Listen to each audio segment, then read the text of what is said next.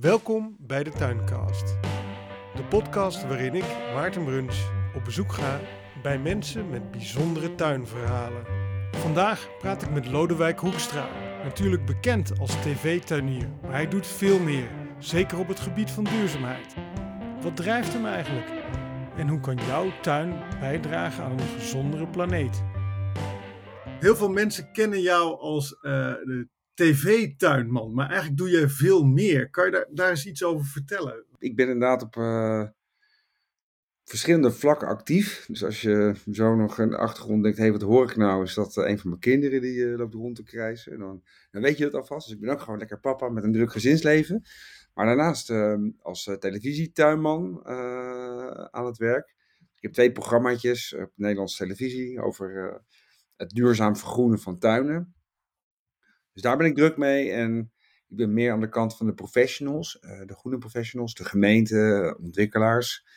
Um, ben ik eigenlijk ook bezig met, met groen, maar dan meer uh, om het meetbaar te maken. Dus wat is dan de impact van groen voor klimaat, voor biodiversiteit, voor gezondheid? En hoe krijgen we dat nou ja, beter in ons systeem? Hè? Dus elke keer als we dan een, een nieuwbouwwijk wijk maken of we nemen een wijk op de schop, dat groene natuur de onderlegger zijn in plaats van een soort van architecten peterselie. Dus daar hou ik me graag hele dagen mee bezig. Dus dat alles tezamen eh, maakt dat ik een uh, gezellig druk mannetje ben. maar um, dat is eigenlijk dat is wel grappig, want eigenlijk die, die, die tuinprogramma's, dat gaat vaak over hè, een beetje design, tuin en feel good en zo. Terwijl, terwijl je toch echt ook met die, met die duurzame thema's behoorlijk bezig bent. Wat, wat heeft jou daar nu toe gebracht om, om, om, juist ook die, die, die duurzame kant en het vergroenen van Nederland uh, uh, in je werk op te nemen? Ja, die, die, die tegenstelling die je benoemt, uh, die is er ook zeker. Dus we willen met z'n allen een prachtig plaatje, een tuin, een, een, een leefomgeving. En daarvoor hebben we allerlei producten en materialen nodig. En ik ben eigenlijk door de jaren steeds meer erachter gekomen dat uh, dat groen helemaal, vaak helemaal niet duurzaam is. Dus zelfs al maak je echt, uh, koop je planten, dat je denkt, hé, hey, ik ben goed bezig, dan kan het nog steeds zo zijn dat je het eigenlijk helemaal verkeerd doet. En dat inzicht, uh, gecombineerd met het inzicht dat we met het juiste groen op de juiste plek de wereld ook weer gezond kunnen maken, maakt eigenlijk dat ik ook een soort van missie heb gekregen. Dus als ik dan toch het gezicht ben, laat ik dan maar het goede verhaal vertellen. En um, ja, en als je dan eenmaal missie hebt, dan gaat het van kwaad tot erger natuurlijk. Voor je het weet. ja. Dus nee, maar dat komt daar dus een beetje door. Dus de, de wetenschap dat als we maar genoeg potgrond en violen en, en, en plastic, zeg maar, uh, die tuin inschepen, ja, dat, dat is eigenlijk hartstikke slecht. En dat kan ook heel anders. Dus nou, dat, ik ben liever ambassadeur van het positieve verhaal dan, dan van eigenlijk die andere kant. Ja, dus je zegt, eigenlijk was ik eerst alleen in het gezicht, was er helemaal niet zo mee bezig. Maar, maar gaandeweg merkte ik gewoon dat het best wel anders moest en anders kon. Juist, ja, precies. Ja, ja. Want, want, want, want hoe geef je daar uh, nu invulling aan dan? Op welke manieren? Uh, want, want ik kan me ook voorstellen dat mensen moedeloos worden, bijvoorbeeld. Dat je zegt van ja, iedereen wil die mooie tuin. En nou, nou komt zelfs Lodewijk me vertellen dat die, dat, dat die mooie tuin met al die viooltjes erin helemaal niet zo goed is. Dus hoe zorg je er nou voor dat, we, dat, dat, dat die mensen niet moedeloos worden? Ja, dat, ik snap die vraag wel. Het moedeloos worden, hè, dat gaat natuurlijk niet alleen uh, over tuinen, maar ook je mag geen vlees meer eten. Je mag dit niet, je mag dat niet. Eigenlijk is alles slecht wat je doet. Maar het gaat erom dat je eigenlijk ook best wel makkelijk keuzes kan maken die echt aantoonbare impact hebben op de wereld. Hè. Dus met dat jij je regenpijpen afzaagt, dat kost je eigenlijk helemaal niks. Je hebt daar verder ook geen last van. Je moet je tuin wat groener inrichten misschien. Maar dat, dat elke dag als het regent, dat het regenwater naar het grondwater gaat en niet naar het riool. Dat scheelt heel veel geld voor de overheid. Het zorgt dat de riolen niet overbelast raken met een, met een piekbui. Uh, en het zorgt ervoor dat we, dat, dat we het grondwater op een natuurlijke manier, zeg maar, uh, uh, ja, op, op, op, in de tuin houden. Ja. Dus volgens mij um, kun je, um, ja, ook zonder dat, je, um, dat het heel ingewikkeld hoeft te zijn, uh, keuzes maken die ook leuk zijn, waar je blij van wordt. Weet je wel? Dus ik probeer het op die manier ook wel een beetje zo te, te pitchen, zeg maar. Ja, dus het is meer dat we misschien anders, anders moeten handelen, terwijl dat niet per se moeilijker of ingewikkelder of duurder hoeft te zijn. Ja, precies ja. En het heeft natuurlijk wel, dat hebben we ook aan onszelf te danken. Ik vind ook wel, ik moet ook gewoon uh, in mijn eigen, hoe noem je dat, naar mijn eigen handelen kijken in het verleden. Hm. Ik heb dus natuurlijk veel eigen tuintuinen gemaakt met uh, nou ja, prachtige Italiaanse tuin midden op de kleine Almere. Weet je, dat, dat plaatje wat mensen graag willen zien met een bordje friet op schoot. En daarmee hebben we natuurlijk ook wel heel erg het accent gelegd op, uh, nou ja, dat kennelijk dat je moet denken in enorme metamorfoses die kostbaar zijn. En, en dan moet je het allemaal gaan bijhouden, is duur en ingewikkeld. En uh, ja, de grappen zijn juist, en, dat probeer ik dan met het groene geluk, dat je ook gewoon, uh, je kan vaste planten ook scheuren of, of zaaien. Uh, je kan stekken, je kan met, hele, met, met, een heel klein budget kun je al te gekke dingen doen. En het is goed voor de natuur, voor de biodiversiteit, hè, voor vogels, maar je wordt er ook heel blij van. En, en het is goed, goed voor je mentale gezondheid. Dus ik ben misschien wel hetzelfde vak, ben ik op een andere manier in gaan kleuren, zo door de jaren heen gaan invullen. Ja, want die, die beeldvorming natuurlijk van uh, stop je, stop snel binnen vier uur alles vol met planten en uh, totale metamorfose. Dat hebben we misschien gecreëerd in de afgelopen jaren, maar dat, dat beeld kunnen we natuurlijk ook weer bijstellen. Ja, en, maar goed, het is, je moet de mensen wel echt aan de hand gaan nemen. Er is zo wat meer aan de hand. Kijk, het, het, het feit dat mensen zo die tuin zien als een soort van statisch iets, een plaatje van, van, een soort van beeldkwaliteit dat, dat, dat manifesteert zich ook in de openbare ruimte. Hè? Dus we hebben met mhm. z'n allen een soort van uh, idee dat wij de baas zijn, een soort van de natuur domineren en dat we ook slimmer zijn, het allemaal zo goed weten. Terwijl, als je heel eerlijk bent, en je kijkt bijvoorbeeld naar zorgkosten, wat we met z'n allen uitgeven aan zorg, is geloof ik 50% van alle kosten zijn gerelateerd aan, uh, aan, aan niet-fysieke ehm, klachten, zoals, zoals breuken en zo. Ja. Uh, dus, het gaat, dus kennelijk zijn we met z'n allen zo ongezond en we zoveel pillen nodig. Eh, en, en, psychologische ondersteuning. Maar dat heeft natuurlijk allemaal te maken met het feit dat we een soort van. Uh, niet echt meer een hele koppeling hebben met de natuur. We zijn een beetje losgeslagen van onze eigen leefomgeving. Eigenlijk. Ja, en um, om dat weer bij te, om mensen dat weer uit te leggen en mensen mee te nemen daarin, dat is best wel een reis, zeg maar. Maar ook voor, ook voor professionals. Hè? Dus we moeten die consumenten inspireren om uh, ja, natuurinclusief te denken en te handelen en veel meer met groen te doen. Maar we moeten ook die professionals en die gemeenten en die ontwikkelaars allemaal uitleggen van jongens, het, het, het, het gebouw is te gas in een, in een omgeving. En dat kan een stad zijn, dat kan ook de fysieke natuur zijn. En uh, we moeten dat op een hele andere manier gaan schouwen met de, met de mensen uh, en biodiversiteit en welzijn als vertrekpunt. En niet alleen maar stenen stapelen en geld en allemaal dat soort zaken.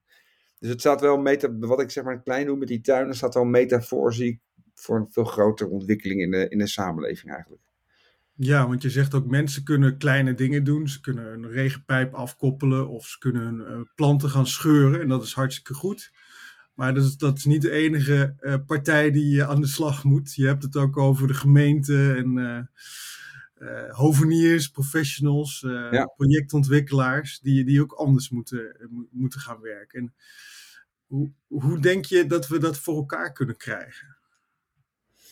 Um, nou ja, zelf geloof ik wel heel erg in. Uh, je, kan iets roepen, maar je moet ook gewoon uh, oplossing geven. Hè? Dus uh, ja. ik geloof heel erg in. Ik ben heel praktisch ingesteld wat dat betreft. Dus we hebben met NL Green Label een soort van duurzaamheidspaspoorten gemaakt. Waarbij we op, op productniveau, op plantniveau, maar ook op gebiedsniveau eigenlijk al die dingen meewegen. En als je dan een keuze maakt, kun je een aantoonbaar duurzame keuze maken. En er zit een label bij, vergelijkbaar met dat van je wasmachine. Maar met een A, B of C. Alleen we kijken dan overal tegelijk naar. Niet zoals alleen maar bij die wasmachine alleen maar energie. Dat je denkt, oh, nou ja, dan, dan zal dit wel het beste zijn. Kan wel goed zijn. ja. ja, en hij is door kinderhanden gemaakt en hij gaat totaal niet lang mee, enzovoort, enzovoort. En hij is niet te recyclen, dat, daar kijken we allemaal niet naar. Maar hij heeft wel groene energie. Nou, um, dus dat helpt heel erg om die rol van die groenvoorziener te verbijzonderen in, in, in gebiedsontwikkeling. En omdat je dan groen gaat waarderen, je maakt het meetbaar, zeg maar.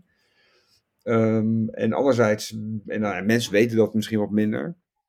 Die kennen meer Lodewijk de tv-tuinman. Ben ik ook eh, aan het lobbyen in Den Haag. Dus ik ben onlangs bij minister De Jonge geweest over uh, bouwen en het bouwbesluit. Hè. Dus als wij regels kunnen maken landelijk, waarin de natuur een plekje krijgt en groen, zou dat al heel veel schelen. Dat zou voor heel veel gemeenten en, en, en projectontwikkelaars een soort van duidelijke leidraad kunnen zijn. Oh ja, dus elke keer als we wat doen, moet het een groen dak hebben en een nestgelegenheid en uh, groen op gebiedsniveau. Uh, dat er een soort van biodiversiteit is aantoonbaar. Nou, dus we proberen eigenlijk op verschillende borden te schaken en uh, ja, proberen in, impact te maken. Ja, dus eigenlijk vanuit verschillende kanten aanvliegen en zorgen dat je overal een beetje druk en impact kan maken. Van, van, van, van tuinbezitter tot, tot minister De Jonge. Ja, dat, dat is... Uh, ja, dat is ook en Je bent natuurlijk van, van, van huis uit, zullen we maar zeggen, uh, een, een hovenier. En dat is ook een gek vak natuurlijk. Want uh, er zijn ook allerlei ontwikkelingen in. Je, in de afgelopen jaren verbaas ik mezelf wel eens van. Ik denk, nou joh, die hoveniers die, die leggen soms meer terrassen aan dan dat ze planten. planten. Hoe, hoe kijk je, uh, maar er zijn ook weer enorme ontwikkelingen in gaande. Dus hoe, hoe kijk jij nou tegen dat, uh, dat hoveniersvak aan en waar dat naartoe gaat? Ja, dat is een goeie. Er gebeurt veel hoor, ook in die hoveniersbusiness is een groot handboek gekomen, de levende tuin. Hè? De tuin als ecologische stapsteen. En dat belangrijk is met bodem en water. En, um, maar anderzijds zie je ook heel veel hoveniers, maar ook tuincentra, die, die er totaal niet mee bezig zijn. Dan loop je een soort van veredelde IKEA binnen en is er eigenlijk is groen een soort van, heeft een tweede functie. Het zegt een soort van dagje uit. Gooi je kar vol en, uh, en gezellig. En die hovenier ook. Die zegt, ja, uh, de klant vraagt er niet om. Dus we doen gewoon lekker. En uh, uh, straten we de boel dicht en een geïmpregneerd schuttingje erop en uh, klaar is Kees. Dat is jammer. Dus ik zie het er wel een beetje in. Uh, dat is er nog steeds en dat gebeurt te veel. Maar gelukkig zie je ook uh, steeds meer groene tuincentra ontstaan. hoveniers die echt het, het heel goed willen doen. Een aantal daarvan zijn ook aangesloten bij NL Green Label. En delen we kennis uit en ze gebruiken die duurzaamheidspaspoorten ook. Um, ja, dus er zijn goede ontwikkelingen, maar we hebben nog een lange weg te gaan, denk ik. Ja, wat ik, wat ik wel interessant vind, ook als je bijvoorbeeld in Engeland bent en je zet, een, uh, zet je radio aan, dan uh, gaat het heel vaak over tuinen en uh, over allerlei planten waar ze verliefd op zijn. Zeg maar. ja. Is dat misschien eens wat we in Nederland moeten herontdekken? Want in Nederland hoor je vaak van ja, het moet vooral onderhoudsvrij zijn. we moeten er niet te veel aan, aan hoeven doen en zo. wat, wat denk jij daarover? Nee, ja, ik denk, ik denk dat je helemaal gelijk hebt. Ik bedoel, als je daar naar de Chelsea Flower Show gaat, nou, dat is prachtig, weet je wel. Dat is een hele grote show met, uh, met, allerlei, met tuinen en cultuur. En daar is het gewoon, en dan komt de koningin, komt het openen. En ja, je kijkt je ogen uit. En dat is elke dag op de BBC. Ehm, en dan heb je ook, uh, daar is het gewoon een soort van cultuur. Dat groen is belangrijk. En heel veel mensen zijn met tuinen bezig. En hier is het soort van, het heeft weinig aandacht. En ik zeg ook wel eens, ja die tuinprogramma's die we dan maken, eh, ik probeer dat dan te doen, maar het is allemaal op de publieke omroep. Hè? Sorry, het is op de commerciële omroep. Dus ik moet eerst sponsoren hebben die, eh, die mee willen doen. En ja, dit, dus de, de, het is gewoon jammer dat de publieke omroepen uh, met, met de dingen die ze uitzenden heel weinig aandacht daarvoor hebben. Want dat zou heel erg bij kunnen dragen aan de cultuur die we samen, en de waarde die we toedichten daaraan. Dus ja, dus eigenlijk ook een maatschappelijke taak misschien wel. Dat we, dat we eigenlijk de, de liefde voor het groen uh, met elkaar uh, delen. Zeker, absoluut. En eh, wat mij betreft mag het ook gewoon in het onderwijs mee, weet je. Waarom zouden we kinderen niet al heel vroeg leren over hoe, je, hoe je planten kan opkweken en hoe, ja, hoe je groentes verbouwt met schooltuinen en ja, daar ben ik wel echt voorstander van. Ik denk ook, en dat, dat, ik, heb, ik heb vroeger heel veel eh, slootje gesprongen ook. Ik ben hovenier geweest, maar nog daarvoor was ik ook kind. Slootje springen, Ja, superleuk. En uh, nou, dat zie ik kinderen nu, nu, nu, niet meer doen, maar dat was natuurlijk helemaal te gek. Weilanden door, slootjes springen, vies worden, hutten bouwen. Maar dat heeft wel heel erg geholpen voor mij nu om een soort van uh, veel meer met groen bezig te zijn. Dus ik ben nog steeds soms buiten aan het spelen. En word ik lekker vies, alleen nu heet het hovenieren, zeg maar. Ja, maar die kinderen zeg je, moet je misschien eh, naar buiten weer trekken veel meer. Die zitten natuurlijk vaak met 30 kinderen uh, uh, in een klein klaslokaal. in plaats van dat ze met een slootje aan het springen zijn met een oude bonenstaak. Ja, dat is natuurlijk ook, ook hartstikke leuk en leerzaam. Dus nou, ik, ik hoop wel dat we met z'n allen, dat is wel echt essentieel denk ik, willen we die veranderingen maken. Dus als je als jongere al een soort van wauw-gevoel hebt gehad, als het, het gaat over groen, je ziet de schoonheid van een bloem of, of hoe een dij, zeg maar, hoe dat allemaal werkt, is de kans ook veel groter dat je er later meer mee gaat doen. Die verwondering, zeg maar. Ja, want we hebben het nu over de mooie dingen, de verwondering. Wat, wat is nou jouw eigen uh, mooiste tuinervaring, zal ik maar zeggen? Is, is er een moment waar je dacht, wauw, weet je wel, het kan in je jeugd zijn of misschien recent? Uh, ja, nou ja, eigenlijk elke keer als ik naar buiten kijk, zie ik wel iets. Dus het, het zit overal in, zeg maar. Het kan een doorblaadje zijn, maar het kan ook een blaadje zijn wat net, net uitloopt. Of uh, bepaalde planten die in mijn tuin met elkaar groeien. Of ja, ik, uh, ik kan er zeg maar overal van genieten. Omdat ik langs de snelweg rijd, dan zie ik zeg maar, dat, dat vind ik zelf een heel mooi beeld. Nu in het voorjaar heb je dat Ja. ontluikende groen, maar niet de grote bomen nog niet, maar dan wel de onderbeplanting. Dan heb je zo'n Ja. fris groene laag op, op 4, 5 meter hoog en dan die grote bomen daaruit die nog geen blad hebben. Weet je wel, dat soort dingen. Ja, ik vind het eigenlijk allemaal mooi. Dus, dus eigenlijk die dynamiek, dat je altijd iets anders kan zien. Maakt niet uit waar je naar kijkt, je kan altijd wel wat bijzonders zien. Ja, en als je dan gaat verdiepen in eh, nou ja, hoe eh, dennenbomen, zeg maar, hoe hun sporen kilometers verstuiven en ze dan met magnetische velden, eh, die, die- nou ja, dat is waanzinnig als je erin verdiept. Weet je, de natuur als zodanig. Dus, en dat vind ik wel interessant. Dus net zoals dat ehm één handje grond net zoveel, ehm, eh, hoe noem je dat nou? Eh, Micro-organismen, organismen in principe heeft als, er- als er mensen zijn op de wereld. Weet je wel? Ja, want dat vind ik leeft. fascinerend. Hè? Vro- Vroeger keken we niet zo naar de bodem, maar ik heb wel het idee dat dat steeds meer, eh, steeds belangrijker wordt. Dat je ook kijkt naar eh, eh, wat, wat voor bodem hebben we het eigenlijk over in je tuin, maar ook in de publieke ruimte. Ja, ja, zeker. Nou goed, dan ga je wat meer naar urgentie. Van, waar hebben we het dan over? Hè? Van, kijk, eh Sadhguru was hier. Dat is zo'n groot uit India. Die mocht ik dan ook voor mijn televisieprogramma interviewen. En, maar die, die weet er veel vanaf. Maar die zegt, ja, we hebben nog 25 tot, eh, tot 40 jaar. Dat, en dan is de bodem op. Dus dan hebben we sowieso geen voeding meer. Dus de bodem op. Ja. Ja. Even los van het feit dat we, dat we op sommige plekken al 75% van de bestuivers kwijt zijn, nu al.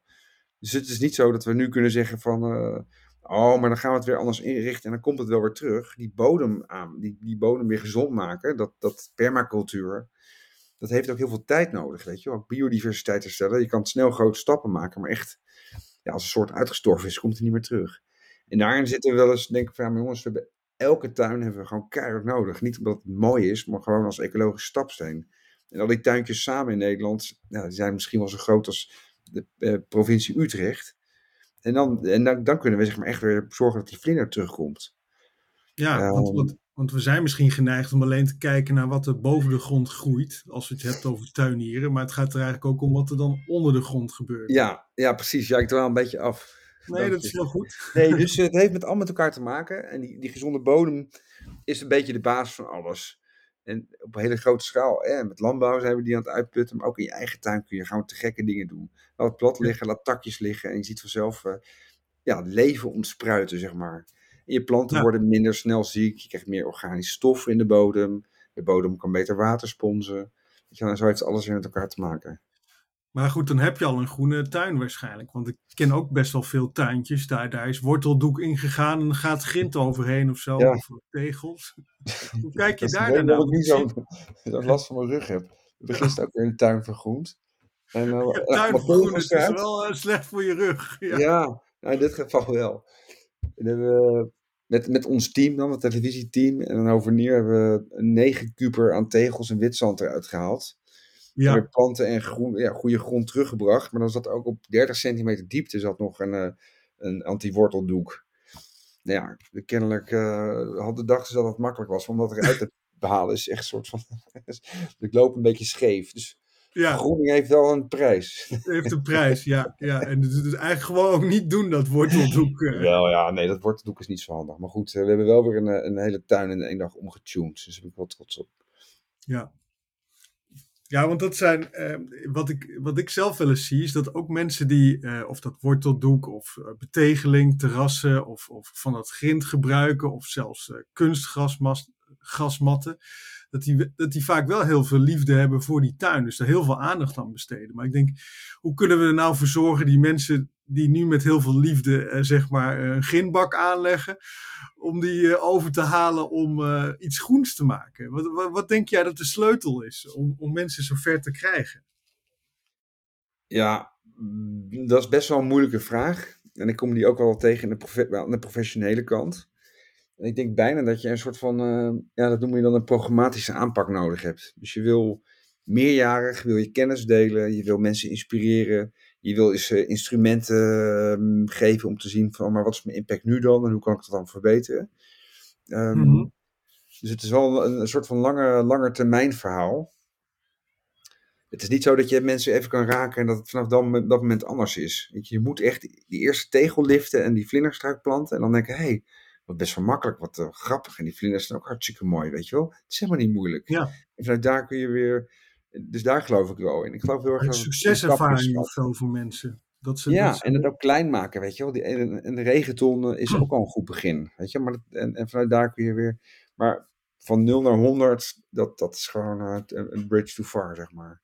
want- Mensen worden niet ook- van eh, alleen maar dat, dat, die, ja, dat, dat mooie plaatje als tuin in één keer naar een soort van groen en nature-minded. Dat, heeft, dat, heeft, dat is een proces. Weet ik ook uit ervaring zelf, hè? dus daar wil ik ook eerlijk over zijn. Ik heb daar ook dat, tijd, eh, het heeft me ook tijd gekost om te snappen hoe het zit. En, en je, je moet je patronen aanpassen. Dat heeft, ja. Ja, want die succeservaringen waar we, waar we het dan over hebben, van, eh, dat, dat je, je ziet dat zo'n vlinderstruik eh, al fantastisch is en dat het helemaal niet zo moeilijk is om zo'n ding te planten. Ehm, ja, hoe, hoe, kunnen we dat erin krijgen? Want inderdaad, je zei zelf al van, ja, misschien was het een tijdje populair vooral de metamorfose te doen. Eigenlijk in twee uur staat alles en daarna hoef je nooit meer iets te doen. Hoe kunnen we nou dat stapsgewijze, dat eh, wat je net beschrijft, van, eh, van succeservaring naar succeservaring, hoe, kun, hoe kan je dat goed opstarten eigenlijk? Misschien met één plant of zo? Of, eh, ja, ik probeer het als eh, het lukt niet altijd. Hè, want st- vaak staan we dan toch weer een hele tuin leeg te scheppen, zoals gisteren. Maar ik probeer wel met het groene geluk een soort van eh, te laten zien dat je in één dag in principe heel veel kan doen. Hè. Je kan eh, je tegels pakken en dan de tegels die je eruit haalt op de plek waar je wil vergroenen, kun je een stapelmuurtje maken van diezelfde tegels. Eh, dan kun je wat snoeiafval nemen en een takkenrail maken. Dus je kan heel veel kleine dingetjes doen die best wel makkelijk zijn en, le- en leuk. Dus dat is wel wat ik dan probeer. Dus dat je eigenlijk een vliegende te start maakt. met kleine stapjes. Verder, nou ja, in de tuincentra heb je tegenwoordig eh, klimaatpleinen. Sorry? Ja. En, eh, en, eh, op de tuincentra heb je tegenwoordig klimaatpleinen met heel veel aandacht ook voor de levende tuin en klimaat en regenton en dat soort dingen. Dus op die manier, daar zijn heel, heel veel hoveniers die proberen er iets mee te doen. Je hebt subsidies vanuit de overheid, maar tegels daar, van, bij gemeentes vaak. Ja, voor mij is het een soort van beweging en moeten we gewoon de mensen zeg maar, aan de hand nemen. Ja. Ja, want ik, ik zie nu ook initiatieven opkomen met, en, en die ondersteunen we ook van harte, zoals het NK tegelwippen, waarbij je dan je tegels eh, uit de tuin wipt. Ja. Ehm, maar het gaat natuurlijk wel om dat mensen ook een goede keuze maken van wat ze er dan instoppen. Ik zit nog steeds even te denken aan die succeservaring. Als je nou planten erin stopt die eigenlijk niet zo goed doen en ze gaan dood, dan denk je nou ik stop die tegel weer terug. Dus hoe kunnen we er nou, denk jij, voor zorgen dat, eh, dat die mensen ook, eh, als hun tegels dan al wippen, om, om daar de goede start te maken? Nou kijk, wat, wat, eh, wat, wat dan helpt natuurlijk is ehm, ehm, sowieso voor de luisteraars. Van, als je, kijk, als, als er dingen zijn die bij jou in de buurt goed groeien, dan is dat ook al een indicatie dat het bij jou goed zal gaan groeien. Hè? Dus zijn wat dat, betreft, betreft wel, wel een soort van tips waar je, waar je op kan letten. Ehm, ja, het, scheelt een beetje per situatie, zeg maar. Maar ik, ja, ik denk dat dat ook een soort van bewustzijn moet hebben. Van wil ik later tegen mijn kinderen vertellen dat ik er gereed, gereed aan gedaan heb. Dat opa er echt, echt alleen, maar, alleen maar met zijn dikke barbecue grote stukken vlees aan het roosteren was en dacht, eh, I don't give a shit. Want dat is natuurlijk wel waar het een beetje op neerkomt. En dat dus, dus enerzijds denk ik dat we bewust moeten maken en mensen best wel mogen spiegelen. Van joh, eh, Weet naar waar je mee bezig bent? En anderzijds ehm, ehm, ze ook aan de hand nemen en ze, en ze faciliteren. Ja, ja en, en, en er zijn nu ontzettende. Je had het er al e- even eerder over. Er is natuurlijk een enorme bouwopgave. Er moet nieuw gebouwd worden. Maar goed, er wordt ook al gesproken van laten we die eh, na- natuurmaatregelen en die natuureisen dan maar even, even on hold zetten. Want we moeten bouwen. Ehm, eh, als ik er zo naar kijk, denk ik dat is niet handig. We kunnen juist misschien die nieuwe eh, die, die, die, die woningtekorten aangrijpen om juist groen te gaan bouwen. Maar hoe kijk jij daar tegenaan? Want daar ben je ook best actief volgens mij. Ja, daar ben ik het helemaal mee eens. Dus, dus uh, natuurinclusief bouwen tackelt gelijk ook heel veel problemen. Hè? Als je biodiversiteit hebt, nou, dat betekent dat je ook het ecosysteem een plekje geeft. Dat je groen op verschillende facetten terug laat komen, zodanig dat bepaalde soorten zich kunnen handhaven. En als je zoveel groen hebt, heb je vaak ook al zeg maar, minder riool nodig. Een gezondere leefomgeving. Um, kindjes zijn weerbaarder. Uh, nou ja, dus de gevolgen van klimaatverandering uh, bestrijden gaat makkelijker. Dus ik, ik zie eigenlijk alleen maar kansen. Plus dat je zeg maar Ehm, ja, als we het niet nu goed doen, dan maken we het alleen nog maar erger. Weet je wel? En dat is, Ja. we zijn de hele tijd met de, een soort van natuurinclusiviteit, dat we dat elke keer mee moeten nemen in alles wat we doen. Of je nou een product koopt, of een tuin inricht, of een woonwijk maakt. Dat is echt iets waar, waarvoor ik strijd. En ik hoop dat dat gewoon eh, het nieuwe normaal gaat worden, zeg maar. Het nieuwe normaal, ja, het groene normaal. Ja, Eh, Nou, nou breng me dat wel op een ander vraagstuk nog. Want je hebt natuurlijk allerlei tuintjes eh, getransformeerd. Hele kleine tuintjes, allemaal verschillende soorten mensen. Enorme grote, rijke tuinen. Hoe kijk jij nou aan tegen dat, eh, dus, ja, de toegang tot natuur voor, voor, voor, verschillende mensen in verschillende buurten en zo? Want er zit best wel wat ongelijkheid ook in. Hè? Als jij een enorme tuin hebt, kun je misschien makkelijk dingen doen. Maar als je een flatje zes hoog woont, woont hoe, kom je dan bij die mooie bloemen of bij die mooie plant? Hoe kijk jij daar tegenaan? Over die, die, die verdeling van groen over de samenleving, zullen we maar zeggen. ja, ik denk dat het een heel belangrijk punt is. Ehm, iedereen heeft recht op natuur. Hè? Dus ook zeker als je op een, op een flatje woont of je bent wat minder vermogend. Vaak zijn er ook in, in achterstandswijken is ook gewoon minder groen aanwezig. Dus die correlatie is er ook. En ja, er zijn heel veel baten die, die mensen hebben bij groen. Dus ik, ik ben er wel voorstander van dat, eh, dat ook in, in, in wijken of, of in, in plekken waar dat weinig is, dat dat ja, er meer gaat komen, zeg maar. En ik ben ook ehm, lid van, eh, van ambassadeur van eh, Stichting Natuurwijs. En dat is vanuit Prinses Irene ooit ontstaan. En dat, dat gaat eigenlijk over de recht van elk kind op natuur. En ik kan me dat niet voorstellen, maar er zijn heel veel kinderen die hebben gewoon nog nooit een bos gezien of nog nooit de zee. Ja, dat is, Ja. Dat, ja, dat is heel apart, maar dat is echt zo. En dus op die manier gaan ze dan letterlijk met, met klasjes naar de natuur toe om daar gewoon te zijn. En oefeningen te doen en, en van die natuur te genieten. Dus, Ja. eh, en de kinderen reageren er heel goed op. Hè? Ze vechten minder en ze, ze zijn blij. En, eh, Ja, want dat, dat hoeft niet eens te zeggen dat, eh, dat de natuur niet in de buurt is. Eh, Het grappig dat je die, die, eh, die strandervaring noemt. Dat wij spraken wel eens kinderen die woonden op nog geen halve kilometer van het strand. Hadden het nooit gezien. Oh, oké, Dus- ja. Oh, dat kan ook nog, Ja, ja. Dus, het, dus, dus het gaat kennelijk niet alleen of het er is, maar ook, ook hoe ga je die drempel over om die natuur te beleven misschien.